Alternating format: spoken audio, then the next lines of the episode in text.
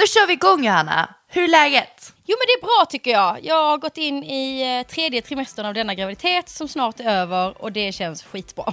Tiden går så fort när man är gravid, i alla fall den där sista tiden tycker jag. Nej det tycker inte jag Paula. Tycker du tvärtom? Åh, det går så långsamt. Ja, men jag vet inte, jag fick, Molly kom i vecka 37 och Leonor kom en dag efter.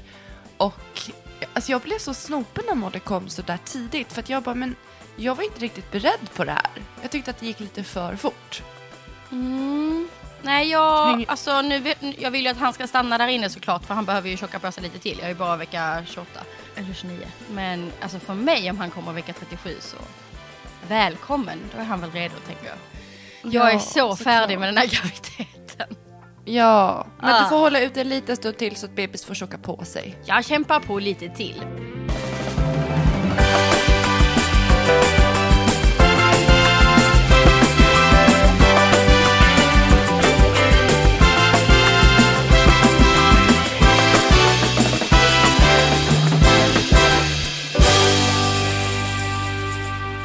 Men du, du har ju Ja. varit utomlands.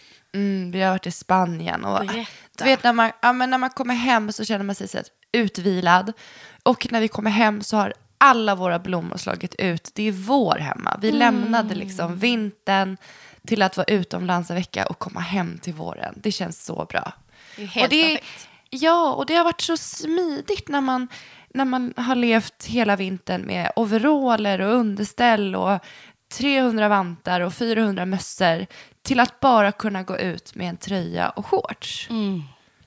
Det blir Både på en själv och man- på barnen liksom. Man bara, Ja. så här ska ju livet vara. Man ska bara gå ut genom dörren. Ja, och man inte behöver ha med sig någonting och man kan ta med sig liksom badkläder. Och vi har, ja, men det har varit helt underbart. Det, det har varit fantastiskt att vara så lättklädd eller att slippa stöket med overaller. Och faktiskt, på tal om eh, kläder, det är det vi ska prata om idag. Vi ska ju prata om brudkläder, marschallkläder, brudgumskläder, tärnkläder och näbbkläder. Oj, oj, Och det här oj, tänker jag att du har en massa, massa roligt att berätta om. Ja, vi ska se om jag kan fiska upp några roliga stories. Ja, och eh, för mig, jag måste ju alltid googla när det står en dresscode på en inbjudan.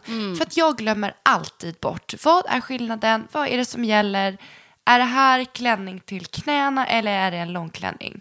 Det, är liksom, det sätter sig riktigt aldrig på mig, de här dresskoderna. Nej, kan men du det dem sätt- helt nej. utan till?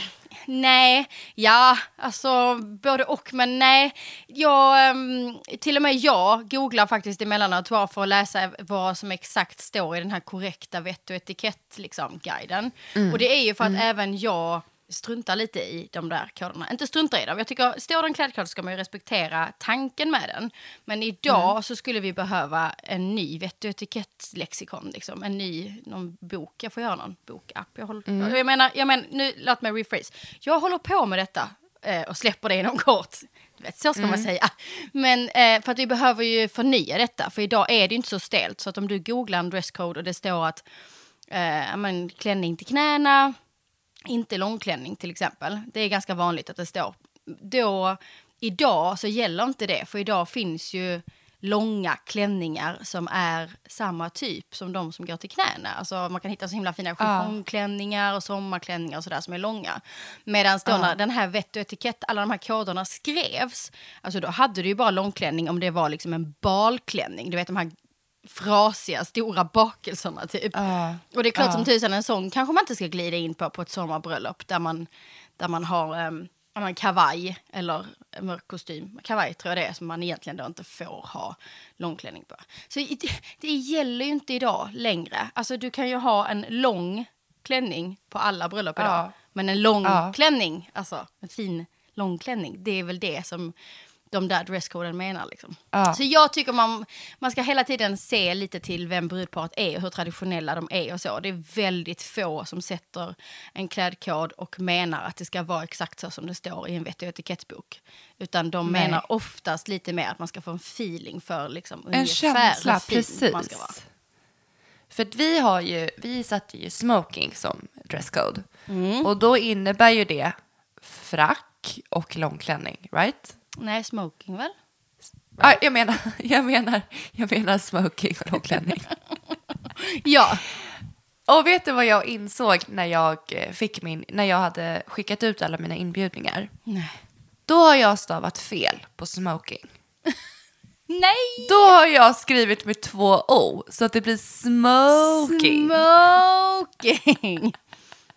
Och det gör jag fortfarande när jag googlar. För att jag har bara fått för mig att det är två O i smoking. Men, det är ju inte det. Gud vad roligt. Ja. Men då kan vi säga Men- så här att ni har en egen dresscode. Det är liksom, Ja. en, man kan säga att ni har en touch of smoking. Man ska ha den Ja. feelingen men det är smoking. Men jag Okej, tycker men att det är då vill man lite- höra lite, eh, för det är skitsnyggt med smokingbröllop. Det är framförallt väldigt snyggt Mm. på bild. Bröllopsfotografen brukar bli jätteglad. Men hur kom ni fram till det? För att man sätter ju ändå högre krav på sina gäster när man sätter smoking. För att väldigt många äger ju inte det. Utan då alla måste liksom gå och köpa eller hyra eller låna eller sådär. Hur, hur vågade ni ändå sätta det högre steget? För annars är ju kavaj eller mörk kostym de som är så här, de vanligaste man Ja. sätter. För det är någonting som alla kan plocka i garderoben så att säga. Ja. Hur tänkte Nej, men jag vet inte. Vi tänkte väl bara att vi har ett tema på vårt bröllop. Och eh, den här klädkoden tyckte vi gick väldigt hand i hand med temat. Mm. Det, det var liksom halva grejen för att få den feelingen på att det här är en, en sån dag i det här temat. Mm. Så att det bara fick bli. Nu får det bli smoking och långklänning. Men är det någon som typ, alltså är det så här, ja, någon är student och någon typ, alltså för mig, jag skulle, för mig är det helt okej att komma i en mörk kostym också. Men Ja, idag också, alltså förhoppningsvis så om man tänker då att man har en svart kostym, vit skjorta och en svart fluga. Men det är egentligen då en svart kostym och inte just en smoking. Utan det, på håll ser det ju också ut som en smoking. Så det är ju en sån där liten fuskgenväg om man inte har råd att gå och hyra en. Så Precis. om inte ni är superstela och traditionella liksom, så Nej. kan man ju komma undan med det. Det är ju smoking, så det, det är helt Det är det jag okej. menar. det är det du kan svara när folk frågar. Ja, men det är liksom för att vi, vi vill att allt- ska se ut som smoking men sen måste det ju inte vara en smoking utan det kan ju liksom vara en Nej. smoking. Och då kan man ju ha en svart kostym typ. Det är jättebra. Ja, men, jag, men jag tycker själv personligen, jag tycker lite synd om så här, män generellt. För att det är väldigt, det är ganska, det finns inte så mycket variation på finkläder tycker jag. Medan vi kvinnor så kan, vi kan leva ut och uttrycka oss ett helt annat sätt i våra kläder. För att det finns olika längder, det finns olika skurningar, det finns olika tyger. Jag tycker att det är lite fusk och jag tycker det är lite tråkigt att man, alltså hur kan man variera en smoking? Alltså en smoking kan man, får man inte variera. En smoking Nej. är det är Smoking förbjudet. är smoking. Det, det är eh, mörk kostym och kavajklädkoderna. Där kan du ju leka ganska mycket. Där kan du ju leka med, med färg, Färg. färg på skjorta, Ja. färg på näsduk och fluga eller slips. Och, det finns ju massa saker. I, idag finns det ju mer, jag håller med dig, vi har det ju mycket, mycket roligare. Men det finns ju mycket Mm. mer de kan göra idag. Men just en smoking är en väldigt fyrkantig dresscode. För att då får du bara ha en smoking. Och, Ja. ehm, det, det är ju till och med en smokingskjorta är ju en annan skjorta än en vit skjorta än, eh, eller en frackskjorta. Utan en smokingskjorta är en väldigt speciell skjorta. Och det ska vara eh, liksom, de här eh, flugorna och görden är den glansiga saken de har på magen. Alltså allt det där är, det ska vara, på, det ska vara lackskor. Så där, just på en smoking så är de ju helt körda. De kommer ju se exakt likadana ut allihopa. Men det är ju det som blir så snyggt. För alla män blir så snygga då i smoking. Det är liksom... Mm, det är ju det som är så snyggt, alltså om man eh, tittar på håll liksom, eller om man, när man tar bilder och precis. sånt. Jo, men, Men- det, jag, jag tänker på typ så här, ja, men när det har varit några kungabröllop i Sverige. När det bara tågar in så sitter det alltid någon kommentator så kommenterar någon alltid allas kläder. Bara, Åh, nu kommer prinsessan Madeleine och hon har den här äh, diademet och det där lala. Mm. Det är ju inte en, inte en jävel som kommenterar männen som går in. Det är bara kvinnornas klädsel. Ja men det är väl för att de kan bara, alltså de har väl bara haft smoking eller frack. Alltså vad är det man ska säga om det? det de, de får ju inte, de får inte ens sätta på en brosch. Alltså de får inte göra någonting. De får inte göra någon, någon, någonting. Du vet du kan liksom inte ha en annan färg på flugan typ.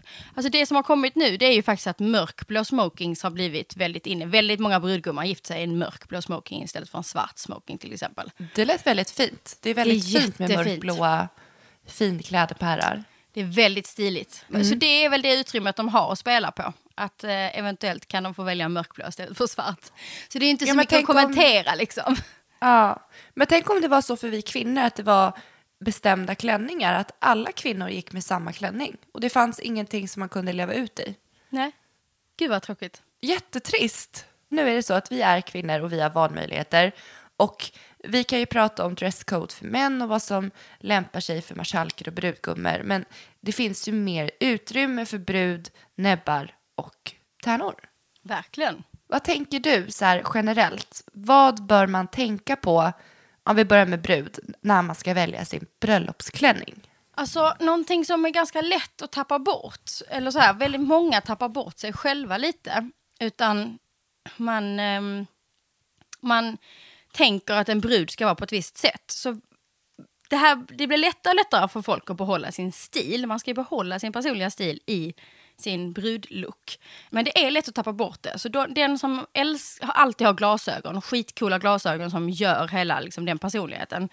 Eh, Nästan alla får för sig att de inte ska ha det på bröllopsdagen. Och om man aldrig, aldrig, aldrig annars har kontaktlinser, aldrig, då tar man ju bort en stor del av sin personlighet. Och när man tittar på sina bröllopsbilder sen så är det, oj, är det du? Och så ska det ju inte vara såklart, utan det, det ska ju vara tydligt vem det är. Och likadant, det blir bättre, men, men eh, de, de här senaste tio åren så har det blivit bättre och bättre för varje år. Men generellt så blev det lätt att väldigt många trillade dit på att man hade en ganska stram frisyr till exempel. En brud skulle ha en uppsättning.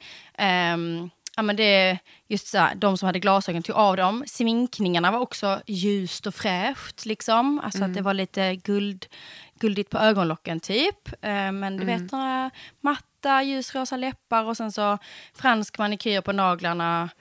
Mm. Många trillade dit också på att man absolut skulle ha pärlhalsband eller pärlor i öronen. Alltså det, väldigt sådär att en, en tjej som liksom aldrig någonsin skulle bära en, pärla, en pärla skulle, har helt plötsligt på sig det. Och det blir så fel. För dels så, många reagerar och säger så här bara, gud jag känner knappt igen dig. Och det tänker jag ju spontant att det är ju inte en komplimang i mitt huvud, utan det blir ju helt tokigt. Utan det ska ju liksom vara, den man är ska ju bara förstärkas upp till tusen. Så det är så här bara, gud vad fin du är, gud vad vacker du är. Så ehm, det, det har blivit bättre, folk har blivit lite modigare på att behålla sin stil. Men det är liksom tips nummer ett. Det är faktiskt att gå in i sin egen garderob och fundera på, finns här någonting jag kan titta på, till exempel på klänningar. Vad, vad brukar jag ha när jag har klänningar? Det finns säkert någon skurning eller någonting som man vet att man trivs Ja, bäst i. Kännetecknar dig. Exakt. Jag till exempel när jag skulle gifta mig, alltså då de senaste tio åren, så om jag skulle ha en, fin, någonting som jag, en klänning jag kände mig fin i, då hade jag alltid axelbandslöst. Alltså alltid. När jag tittade i min garderob så var det liksom verkligen temat. Och då hade det ju varit jättekonstigt att bara för att det har ganska, varit ganska trendigt med spetsarmar så hade jag helt plötsligt haft långa spetsarmar. När de senaste tio åren så har jag uppenbarligen trivts bäst i en axelbandslös till exempel. Eh, Medan för någon annan så kanske det, man vill alltid ha en liten ärm. Liksom. Man tycker inte alls om att visa axelpartiet. Och då är det likadant där. Det är ganska lätt att man har trillat dit och att man hade haft en sån och sådär. Så man kan försöka hitta lite vad man gillar. Gillar man tajta klänningar eller gillar man lösa klänningar? Gillar man att vita mycket byst eller inte? Rygg eller inte och sådär. Och så försöker man ta de grejerna som man märker att men här är faktiskt några ganska tydliga grejer. Som om jag ska klä upp mig och gå på fest eller nyår eller vad det är. Så är här några grejer som jag alltid gör för jag känner mig extra fin. De ska man ha med in när man ska välja sin eh, både klänning och hela looken. Liksom. Att man eh, kännetecknar sig själv lite. Och det, vet, det är smycken, hår, allt sånt där. Liksom. Så man inte trillar dit på att någon annan säger nej men gud du kan inte ha utsläppt. Alltså, det kommer inte alls bli bra. Liksom. Nej, nej, okej. Eh, liksom. Men så är man den där tjejen som alltid har ganska så här, oborstat utsläppt eh, surfhår. Liksom. Då ska man ju inte stå där med en uppsättning, en stram ballerinaknut. Utan då ska man ju, antagligen känner man ju sig finast i det, så då ska man ju ha det. Liksom.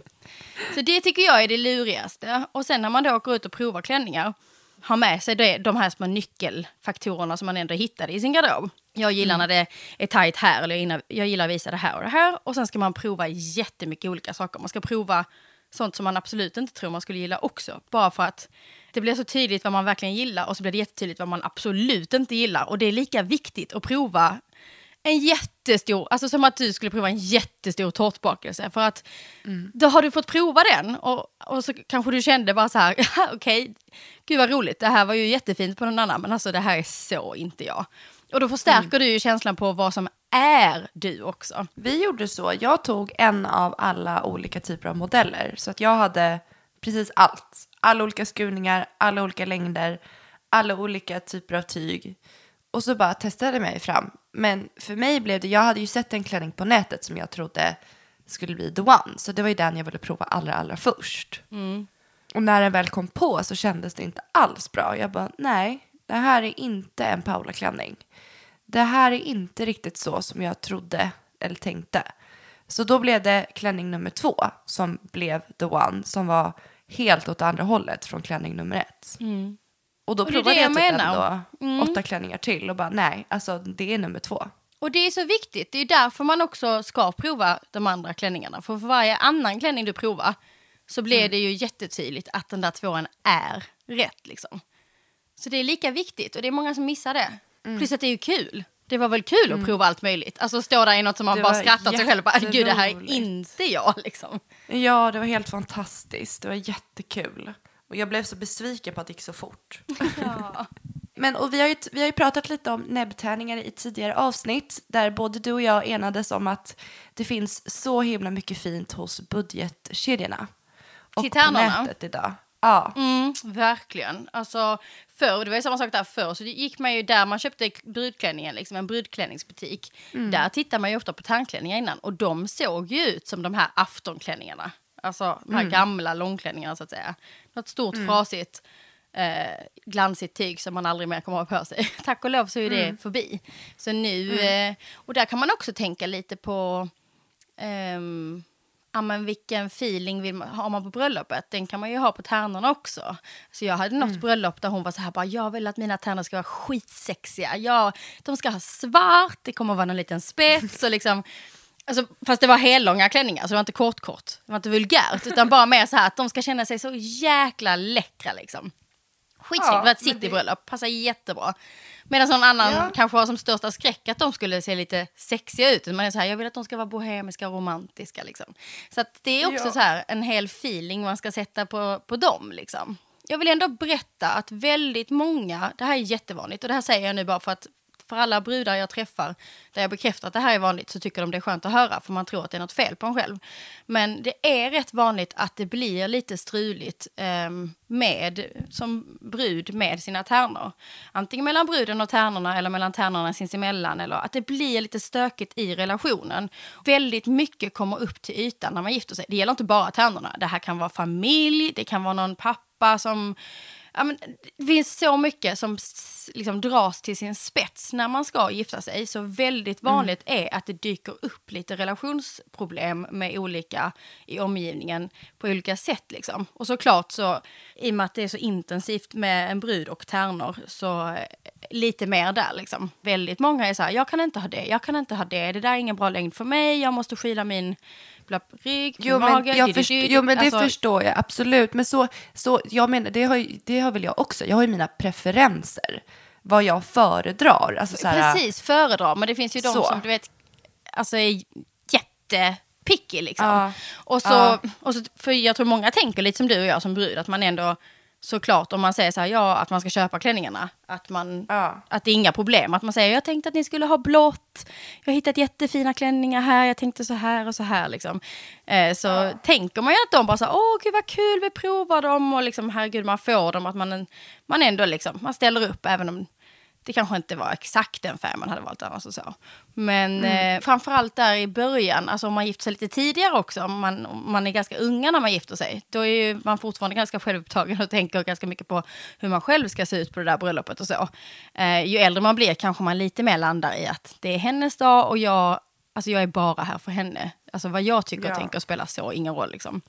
Men det brukar bli lite stökigt och jag vill bara säga det för att det är helt normalt för alla som jag få frågor ifrån där, de är, där, de, där bruden kanske är lite ledsen för att det har blivit så mycket tjafs och det känns liksom inte kul. Man har lite ont i magen. Eller man har hört att det är tjafsigt om möhippan eller ja, men, olika sådana här små grejer. Så många tänker ju att det är något helt fel på dem. Liksom att det är, vad, vad har jag för vänner egentligen och sådär. Men det är mycket, mycket vanligare än vad man tror. Men så skäms man så man vågar inte riktigt berätta om det. Så jag vill bara lyfta det, att en sån enkel grej som att välja klänningar kan bli stökigt. Fast det är helt vanligt. Det är liksom tyvärr en del i processen för väldigt många. Så slipper man överanalysera det och känna liksom att gud, jag måste sparka henne som tärna eller någonting. Utan det, bara, det här är vanligt liksom. Gör det bästa av det. så himla konstigt säga. Om vi då hoppar från tråkigheter så ska jag säga så här, många är så här, men okej, måste man också köpa till allting annat? Skor och smycken och allting till tärnorna. Och där brukar ett bra tips vara att säga till dem om man önskar en färg på skor till exempel, men att de får välja själva. För det är så olika vad man trivs i. Man vill ha en smal klack, en tjock klack, ingen klack alls. Det, liksom, då kan man till exempel vara så här, det vore fint om ni alla har beige eller ni alla har metallic eller du vet, silver eller guld eller vad man då har för önskemål. Och sen så kan de få välja själva ja. vilken sko det är då.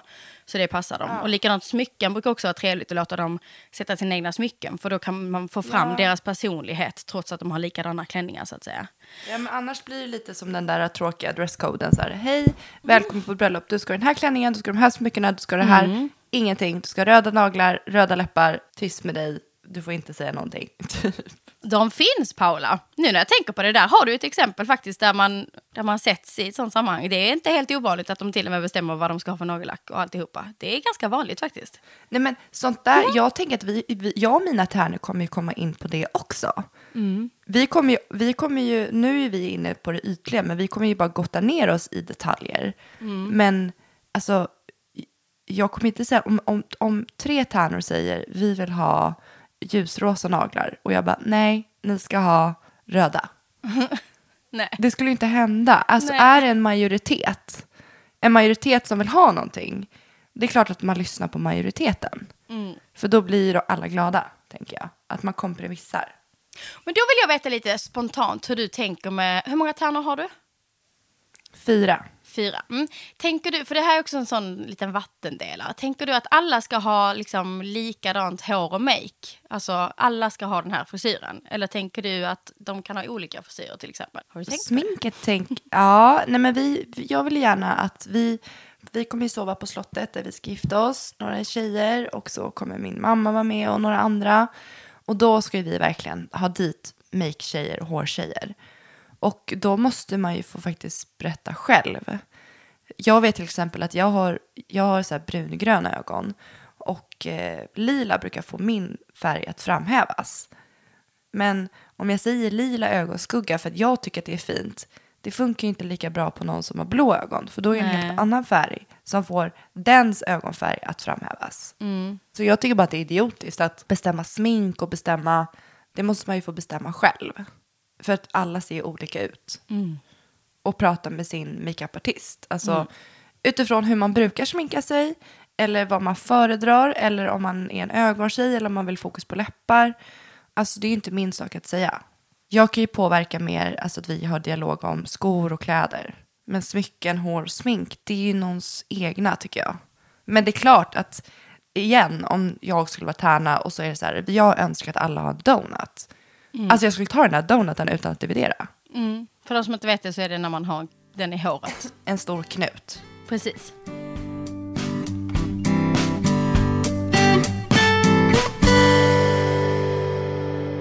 Nu går vi vidare. Ja, nu är vi färdiga med tärnklänningar. ja. Jag har faktiskt skrivit upp en liten lista på vad man kan tänka på när det gäller eh, klädsel på ett bröllop. Bara så lite riktlinjer både som gäst och som brud och ja, men bara lite riktlinjer. Jag tänker att jag ska läsa upp dem för dig så får du mm. kommentera om du tycker att det känns rimligt. Mm, spännande. En regel för en kvinna, en kvinnlig gäst, är att inte klä sig i vitt eller svart. Och eh, då menar jag liksom genomgående. Man kan säkert ha något svart om man piffar upp det med färg eller man kanske kan ha en vit liksom, klänning med mönster. Alltså det här är, förstår du vad jag menar? Om jag säger så. Ja, jag fattar precis. Men är det okej okay att ha en vit klänning med mönster på? Inte en helvit.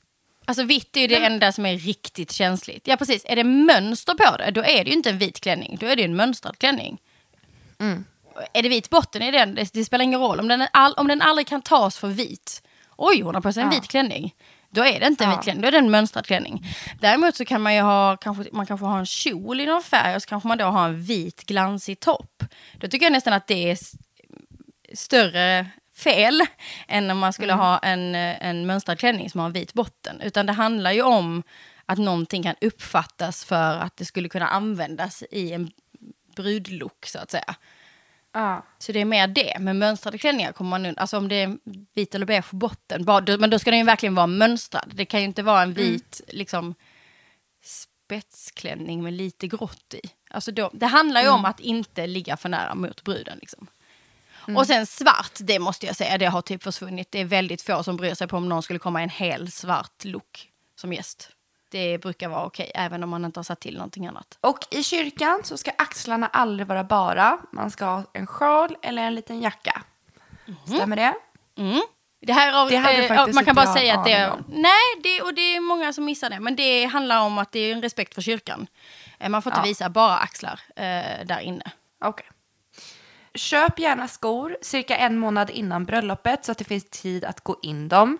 Det här tänker jag gäller både brud, tärnor och gäster. Mm, Om det inte verkligen. är så att man har ett par skor sen way som man, det här är mina favoritskor, de här kommer jag ha. Mm. Men tänk på tiden innan du köper ett par nya skor. Ja, verkligen. Eh, och framförallt som brud, att man går runt med dem hemma i timmar. Alltså, du Ja. får så här, stryka skjortor och diska och får liksom göra alla vardagsgrejer i de där skorna så att du verkligen har gått in dem. Det är artigt att klä sig som det står på inbjudan. Bröllopet är brudparets viktigaste dag och att ta hänsyn till deras önskemål känns högst relevant. Som vi pratade om det här, vi pratade om en röd klänning för några avsnitt sedan. Och du sa ju också det då att det här är den viktigaste dagen. Varför sätta sig i en position där det blir en snackis? Nej, jag tänker också så. Ja. Så jag tycker det påståendet stämmer mycket väl in. Är du osäker på vilken klädsel du vill välja är det bästa är att bara ringa värdparet och fråga om det passar sig, tycker jag. Ja, jag tycker det också. Ehm, det är inte så många som frågar, så det är inte jobbigt. Utan som, det är ju en del i peppen. Man kan ju göra det rätt så peppigt. Det man inte ska göra det är ju att höra av sig lite gnälligt. Det var så här, alltså jag hittar ingenting att ha på mig till ett bröllop. Det är en jättesvår klädkod och jag känner bara, är det okej om jag tar det här? Det är inte så kul. Jämfört Ta, med... du måste vara konkret när du ringer. Det måste vara konkret och det ska få gärna vara lite peppigt och positivt istället. Bara, Ja. Okej, jag har hittat en klänning, jag vill bara kolla om det känns okej med er. Jag vet inte, den kanske är lite utanför ramarna, men jag, jag, tänkte, jag tänkte ha den här. Hur känns det liksom? Så jag vill akta sig för det där gnället, liksom, att man tycker Ja. att de har varit besvärliga. Liksom. Utan mer peppigt. Alltså vet du vad som har hänt typ den senaste veckan hos mig gällande bröllopet? Alltså jag har börjat fått så här äh, katastroftankar. Alltså du vet bara så här äh, ångest över sjuka scenarien egentligen. Oj, berätta. Nej men jag bara får så här, jag, tänk om jag skulle bli magsjuk kvällen när jag ligger på slottet, kvällen innan. Alltså att jag har feber och det är diarré och det är kräks. Alltså jag får så här, tänk om jag, jag ska göra mitt hår någon vecka innan. Tänk om det skulle bli någon så här felfärgning, att mitt hår ser ut som det aldrig har gjort förut, att det är katastrof. Tänk om jag spiller rödvin på min vita bröllopsklänning. Men lite så här allmänna katastroftankar. Det är nog normalt, tänker jag, att det kommer sådana tankar. Bara du inte ligger sömnlös på nätterna. Nej, men det gör jag inte. Men jag har, det, det har kommit till mig, alla de här scenarierna, tänk om.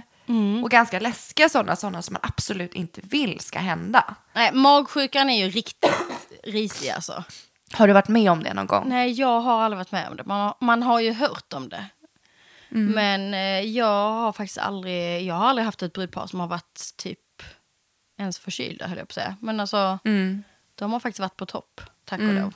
Men jag tänker så här att om det är någon som lyssnar på podden och eh, som kanske har haft ett sånt här galet katastrofscenario i sitt bröllop. Kan inte ni skriva om det i gruppen bara för att, alltså i vår Facebookgrupp bara för att dela med sig om vad, vad, vad är det värsta som kan hända? För då kanske man kan förbereda, förbereda sig på det. ja, precis. Så att- en actionplan?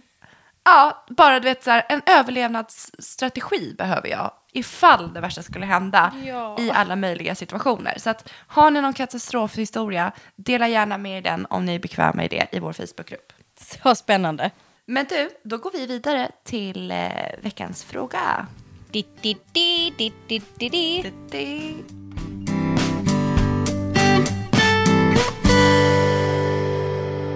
Så här lyder den. Hur blir det om man som kvinna vill skippa kjol och klänning och istället bära byxor till bröllopet? Är det oartigt? Då, då förmodar vi att det är en dresscode som innebär, ja men låt säga smoking. Ja, men exakt. alla, alltså, alla kanske inte vill ha klänning och kjol. Nej, det finns ju verkligen de som verkligen inte är klänningsmänniskor. Alltså, nästan får lite panik av den tanken. Ja, men då börjar vi med att fråga dig Paula. Hur hade du känt om någon kom för, på ert bröllop i en, en snygg byxdress eller en Nej, cool men jag kostym? tycker att det var typ? jätteokej. Jag, jag tänker så här. Jag, vet, jag hade blivit besviken om någon kom med jeans och en t-shirt. ja, Och sneakers. det hade varit respektlöst. Ja, jag vill att du som individ ska anstränga dig. Men du måste göra det med din touch. Så, kan man säga så? Ja, det är det som smoking betyder. Det är det som är smoking. Du har, en, du har en egen dresscode nu, det är så bra. Jättebra, älskar det. Nej men det måste ju vara för att vadå? Jag tycker att det är klart att byxor, det måste ju också kunna innefattas i en snygg klädels dresscode. Det Ja, behöver inte exakt. faktiskt bara vara klänning och kjol. Nej, och det är dit jag vill komma och det är därför jag måste sätta upp ett nytt eh, klädkods vett och etikett eh, lexikon, tror jag. Som, Så att alla kan känna sig bekväma med att man får lov, det är klart att du får lov att ha en cool kostym. För att de här klädkoderna de sattes för så otroligt länge sedan.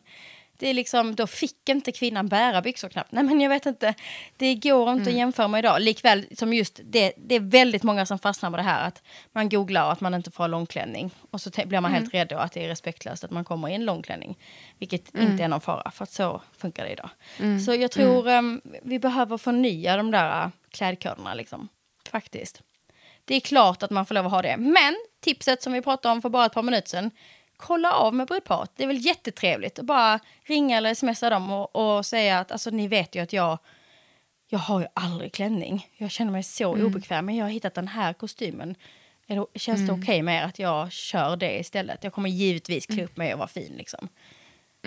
Så får man bergis ett ja. Ja, det är klart att man får det tänker jag. För att när det är klädkoder så är det ju oftast bara längden på en klänning eller kjol det talas om. Men vi måste verkligen få att det innefattar ju också, det finns ju ex- extremt fina byxdressar these days. Det är klart att det måste innefatta det också. Verkligen. Ja, nej, men så att vi enas om att vi säger att det är helt okej att ha byxor. Absolut. Om det är, men så länge man anstränger sig. För att innebär det jeans och t-shirt, då hade i alla fall jag blivit besviken. Absolut. Man ska liksom leva upp till festandan Fest. som brudparet Ja. vill åt. Festligheten. Precis. Men du, då har vi kommit fram till det sista momentet och det är fem snabba frågor. Men du, innan vi tar fem snabba. Ka- Nu när vi ändå pratar om kläder, jag har en fråga. Det här kanske vi skulle ta utanför podden. Nej, vi tar det i podden.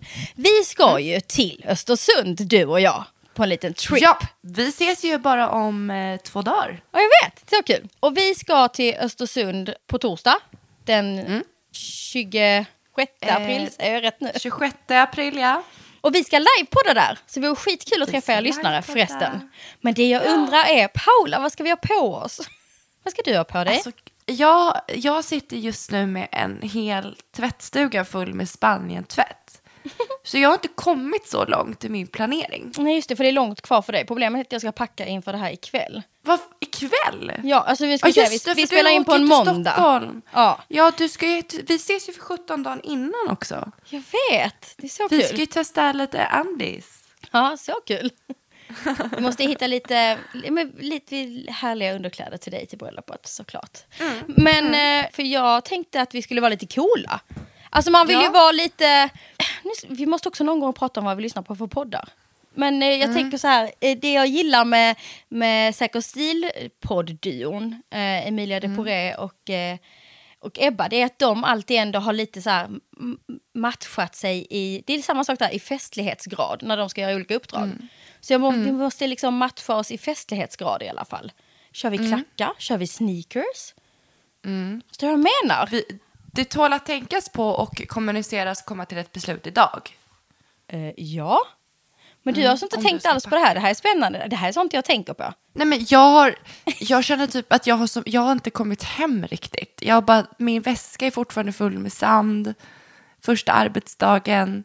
Jag har så mycket, jag ska ha service på bilen, jag har har personlig träning. Det är och så långt bort att det ska vara Östersund och livepadda just nu. Ja, just nu så hade jag nästan typ glömt bort det. Men jag vet att vi ska ju dit och det är på torsdag.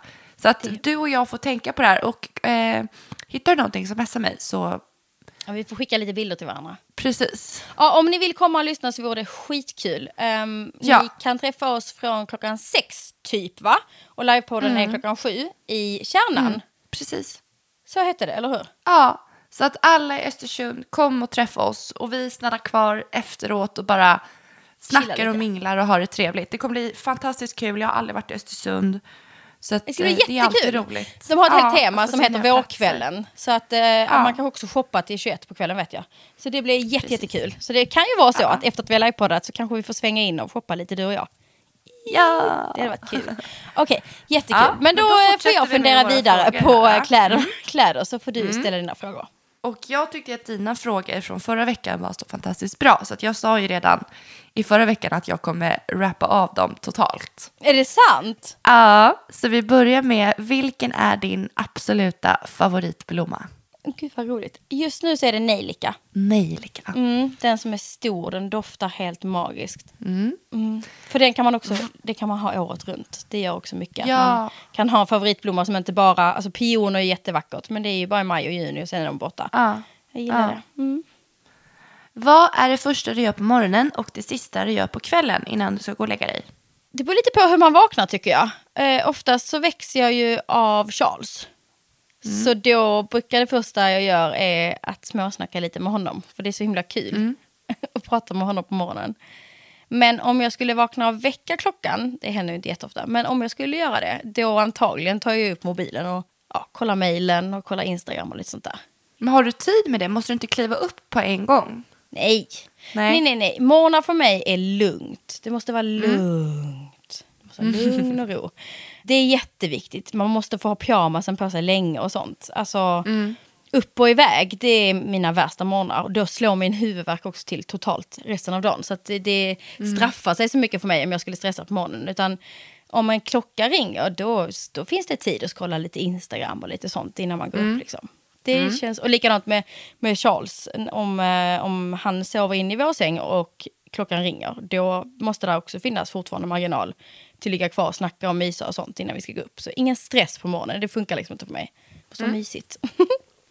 Och på kvällen, nej men då, eh, det sista jag gör, just nu när jag är gravid så är det ju bara ett bök att gå och lägga sig. Att bara ens trilla ner i rätt ställning med alla kuddar omkring en när man är gravid är liksom, och spikmatta hit och dit. Så då håller jag på att mecka med det.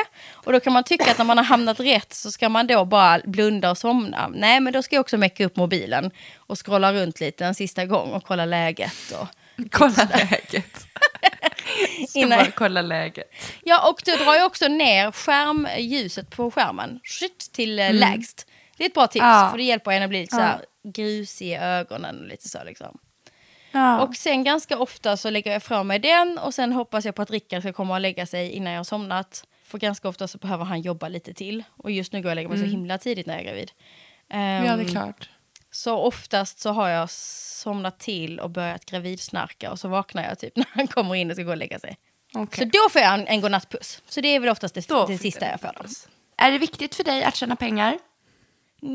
Ja och nej. Alltså det, man får gå lite på hur man eh, tänker där. Jag till exempel startade mi- mitt bolag för att jag ville jobba med min dröm. Och mitt mål var att jag kunde ta ut en minimumlön varje månad för resten av mitt liv. Så jag har ju aldrig, driv, alltså jag har aldrig drivits av pengar. Jag har jobbat som säljare. Och de flesta säljare drivs ju av att tjäna mer pengar. Mer och mer och mer och mer och mer. Men jag gjorde inte det. Eh, utan jag är nog mer servicemänniska som ville jag vill absolut sälja bra, men jag vill också ha jättenöjda kunder som typ kramade mig när de gick därifrån. Liksom. Um, så att jag tycker det är jättehärligt att kunna resa jättemycket med min familj. Vi jobbar hårt eh, och försöker hitta vår vardagsbalans för att kunna eh, göra massa saker som vi gillar att göra. Eh, som kostar Mm. pengar. Jag tycker ju jättemycket, jag tycker det är härligt med kläder och en massa sådana grejer. Men det är inte viktigt för mig. Ehm, jag säger ofta till Rickard att men jag kan sälja huset och bilarna imorgon. Alltså, och bo i, i en lägenhet och ha en skruttbil. Alltså, jag bryr mig inte. Liksom. Utan det är jättehärligt att, att man kan ha det och det är jättehärligt att man kan liksom, göra mer och mer och sånt. Ehm, Men jag har aldrig drivits av pengar faktiskt. Och det var väl min stora nackdel just när jag jobbade som säljare. Att det här med mer och mer och mer, det finns liksom inte i mig. Utan mitt mål är att kunna jobba med det som jag älskar och ehm, kunna försörja mig på det. Mm. Och sen idag så har ju den standarden blivit högre såklart. Ehm, men jag skulle nog inte ha några problem att rycka bort det om, liksom, och dra ner på det. Mm. Om du var tvungen att välja mellan något annat. Nej, precis. Rimligt. Okej, vem är din modeikon? Det här, efter förra graviditeten så tappade jag bort mig själv lite, det gör ju ganska många. Just nu har jag ingen modeikon, jag har bara gett upp. Jag lever bara i mjuka sköna plagg. Alltså jag låter så bitter Paula. Alltså, men jag är det. Usch. Men du, är, du är mitt emellan just nu. Alltså du är förbi hälften när man känner sig ganska... Jag kände mig så himla fin fram till typ vecka 20, kommer jag ihåg. I graviditeten så halvvägs, när den inte var så stor. Man var lite så bara... Det var lite en kula. Men Nej men det är bara- ju verkligen så. Och grejen är att jag fick jättemycket vätska förra gången. Och det var, alltså det, just nu när vi poddar, så just i, det är igår som jag tittade mig i spegeln. Och jag bara kände hur mycket vätska jag börjat få. Jag har svullnat upp jättemycket. Jag har stödstrumpor konstant. Alltså hur kul är det? Så igår var jag bara jätteledsen och kände bara nej skit det kommer bli likadant som förra gången igen. Jag kommer vara en stor rund vattenfull ballong. Och det gör också väldigt ont. Det handlar inte bara om det yttre utan det handlar om känslan och att det verkligen fysiskt gör ont också. Eh, och idag, jag måste berätta nu när jag, jag var precis iväg på, hos barnmorskan och så var vi några stycken gravida, antagligen i samma vecka, som satt i ett väntrum för att vi skulle göra kallas- Samma test. Ja, vi skulle göra ett test, liksom. det kallas glukosbelastning för er som varit gravida så vet ni säkert vad det är. Man, man måste sitta där i två timmar. Och där sitter jag och tagit på mig du vet, stödstrumpor, svarta mjuka leggings, en mjuk randig tröja. Jag är osminkad för att man skulle vara där kvart till sju och ha fastat. Det är liksom ett halvt dygn innan. Och jag visste om att man skulle sitta där och inte äta på två timmar till. Man kommer antagligen må lite illa, ha ont i huvudet och så. Och så sitter de andra två bredvid mig, pigga som fasiken. Några fräcka jeans, eh, några härliga, den ena hade några snygga boots, hon såg ut liksom som en fotomodell och någon liten silkesskjorta, alltså i, i så här armygrön, skitsnygg var hon. Och hon andra ja, men, hade några så här, men, att vet, de hade inte ens strumpor för de hade några härliga sommarskor och de var så snygga. Och så bara satt jag där bredvid mig och kände mig som en flodhäst och bara men hallå varför har ni inte stödstrumpor tänkte jag, vi, bor- i samma vecka, vad håller ni på med? Alltså, åh så orättvist. Hallå, varför har ni inte Jag ville fråga men jag gjorde inte det. så ju- att Alltså, jag just hade nu pratar om du hade gjort det. ursäkta, ursäkta. Varför har ni inga strumpor på er? Ja, men antagligen behöver inte de för alla är ju olika. Det är det som är så viktigt. Så Ja. Just att prata modeikon, just precis nu när jag har mitt gråtdygn här, det är svårt. Mm. Men generellt så har jag börjat gilla väldigt klassiskt. Alltså, just nu älskar jag hur min kompis Isabella Löwengrip klär Mm. sig. Hon, kli, så här, kvinnligt, feminint, ehm, nordiskt, klassiskt liksom. Jag gillar det jättemycket. Så här, Sofie Farman tycker jag också har en jättefin stil som är Eh, den är ganska enkel egentligen. Hon är ju mycket jeans och randig tröja tjej liksom. Men så får hon till det med rätt då, boots till exempel. Eller sånt där. Hon som satt bredvid mig i väntrummet idag hade också inspirerat mig sjukt mycket. Om jag bara hade haft orken. Så jag gillar den typen liksom. Sofie Farman, vi säger henne. Det tycker jag låter bra. Jag gillar också Sofie Farman. Ja men det känns girl next door fast lite fräckare liksom. Ja, okej. Sista frågan. Vad är din allra bästa egenskap som mamma? Men det är nog att jag, jag är väldigt lyhörd. Jag tar mig alltid tiden. Sätter mig på golvet. Jag är alltid nere på, på, eh, på Charles nivå. Och försöker lyssna in. Just att ehm, jag försöker ha väldigt lite stress i Charles och vårt liv tillsammans och lägger in mycket marginaler. Alltså för mig, jag försöker hela tiden utmana, det är väl den tanken, jag försöker hela tiden utmana att man tänker att det ska vara på ett visst sätt. Eh, Utan liksom att inte man står där bara, den här människan måste ha på sig exakt de skorna, exakt den jackan, vi måste åka iväg exakt i den här tiden, vi måste, man måste göra på det sättet. Utan jag försöker tänka lite just det här att det kan vara lite tokigt ibland. Alltså om jag ska bära ut honom i bilen och det är vinter och han vägrar ha jacka, är det hela världen? Nej, han kommer märka att det är kallt. Så då, då kan man väl inte vara fyrkantig vuxen, utan det kan vara så här bara, oj så tokigt liksom. Så att, nej men jag försöker hela tiden lys- lyssna in. Jag tänker på det nu efter vi är nog alla väldigt tagna efter Aviciis bortgång i fredags. Jag har mått så jävla dåligt. Alltså det är helt sjukt en främmande människa så att man inte känner den men hur det påverkar att någon dör för tidigt. Ja, och, Och, ihop med eh, den här dokumentären som sändes som eh, nästan känns som att den är gjord för att visa... Alltså den känns nästan som att den skulle kunna varit klippt efter att han hade gått bort för att den eh, är så otroligt, liksom, den speglar ju så otroligt det här med hur han mådde och så. Eh, nej, jag håller med dig. Det, man tänker mycket på eh, föräldrarna där också tycker jag. Hans Mm, absolut. mamma som han hade som fin relation med och så. Ja, men det som fick mig att verkligen, efter att han gick bort, för att jag såg den här dokumentären efter, jag hade inte hunnit se den innan, så jag Nej. såg den i lördags. Och han så här, påtagliga gånger försökte berätta att han var stressad. Att det var stressen i hans liv och säkert i vem han är och hur, hur han ted, alltså alla är olika, alla kan hantera stress på olika sätt, men han levde ju ett väldigt extraordinärt liv.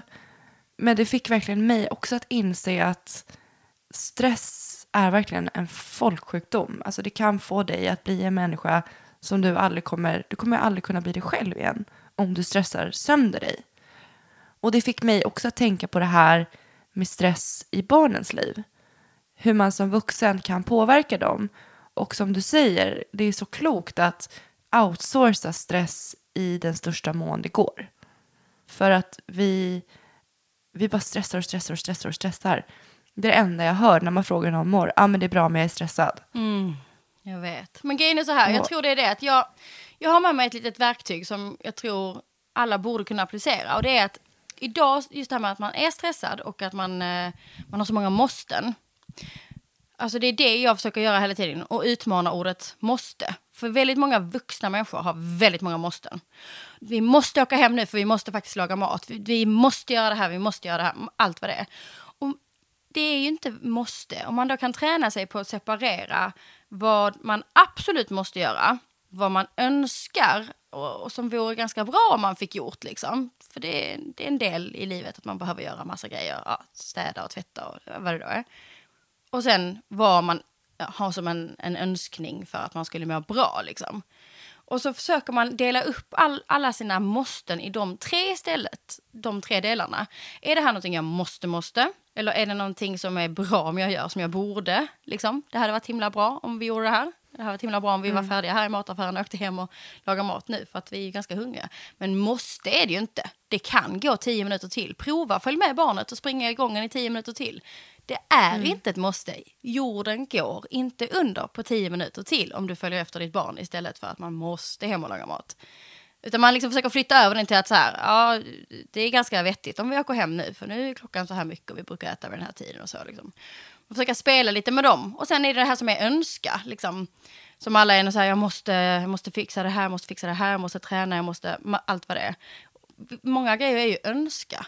Alltså jag önskar att hinna träna idag för jag skulle må väldigt bra av det. Och om man då försöker tänka att det är någonting man ger sig själv, att, det är en, den, att den ligger i den kategorin istället för ja så måste jag träna idag också. Det blir så jäkla många. Det är, det är inte konstigt att vi är stressade när vi har så många måsten hela tiden. Liksom. Men om man istället ser träningen som en, eh, en önskan, en väldigt högt prioriterad önskan. Alltså det, det ska hända, men det är en önskan, det är inte ett måste så att säga. Ehm, Då ge, tänk vad härligt när man åker iväg på den där träningen då. Och säga att, att man liksom ger sig själv det på ett annat sätt än att man checkar av det också på sin måste-lista. Liksom. Så jag tror många behöver liksom lära sig balansera lite mellan de där grejerna. För att jag tycker att det här ordet måste missbrukas fruktansvärt mycket av vuxna. Man måste, det, måste måste. Det är, du bör ta tag i hela din tvätthög idag. Det är väldigt bra om du gör det. Det blir svårt att ha, ha kläder på torsdag och barnen måste ha kläder och så. Men vad händer om du skulle må skitdåligt ikväll säger vi? Att du skulle vara så jäkla stressad och ont i magen och liksom allting är verkligen som en klump för dig. Måste du tvätta då? Nej, det är där man behöver utmana sig själv. Nej, vad händer om jag väntar ett dygn? Nej, det, så illa är det ju inte. Liksom. Det hade varit bra om jag slängde in en tvätt, men inte så att jag får ont i magen. Då kan jag också tvätta imorgon istället. Verkligen. Jag tycker det är lurigt. Och han, då behöver man ju ha rätt folk omkring sig. Liksom. Han försökte, som du säger, han försökte ju säga det i den där dokumentären om och om igen. Och folk inte riktigt hörde vad han sa. Liksom. Nej, men också att man nedvärderar eller så underskattar att man inte riktigt förstår vad stress kan påverka. Nej. Att man, ja men vadå, alla är ju det. Eller liksom så här, Det är nästan trendigt. så himla- ja, det är inte så farligt att vara stressad, det är alla. Men det kan faktiskt, det, det kan ta livet av folk. Usch, Så men vad är det jag- här var för avslut, fin- Paula? Nej, men det var en fin egenskap. Jag tyckte det var fint att du sa det där, att outsourca stress ur Charles liv. Det satte sig i mig också nu. Nu ska jag också outsourca stress ur mina barns liv. Men med det sagt så vill jag tacka för ett bra poddavsnitt. Nej, men Vi alltså, ses. Vi ses inom kort. Vi ses på onsdag, vi ses på torsdag och eh, som sagt kom gärna till Östersund, kärnan nu på torsdag. Vi är på plats från klockan 18 och vi kör en livepodd klockan 19. Ja, kom och, Och, häng med oss. eh, Det vore kul. Ja, prenumerera gärna på vår kanal, kommentera, recensera, följ Facebookgruppen. Det är en aktiv grupp med tusen medlemmar där det är svin mycket och roliga diskussioner kring allt som har med bröllop att göra. Ja, det är så kul. Jag älskar den. Och oss hittar ni på våra kanaler. Och tills dess så säger vi hej då. Hej då! Hej då!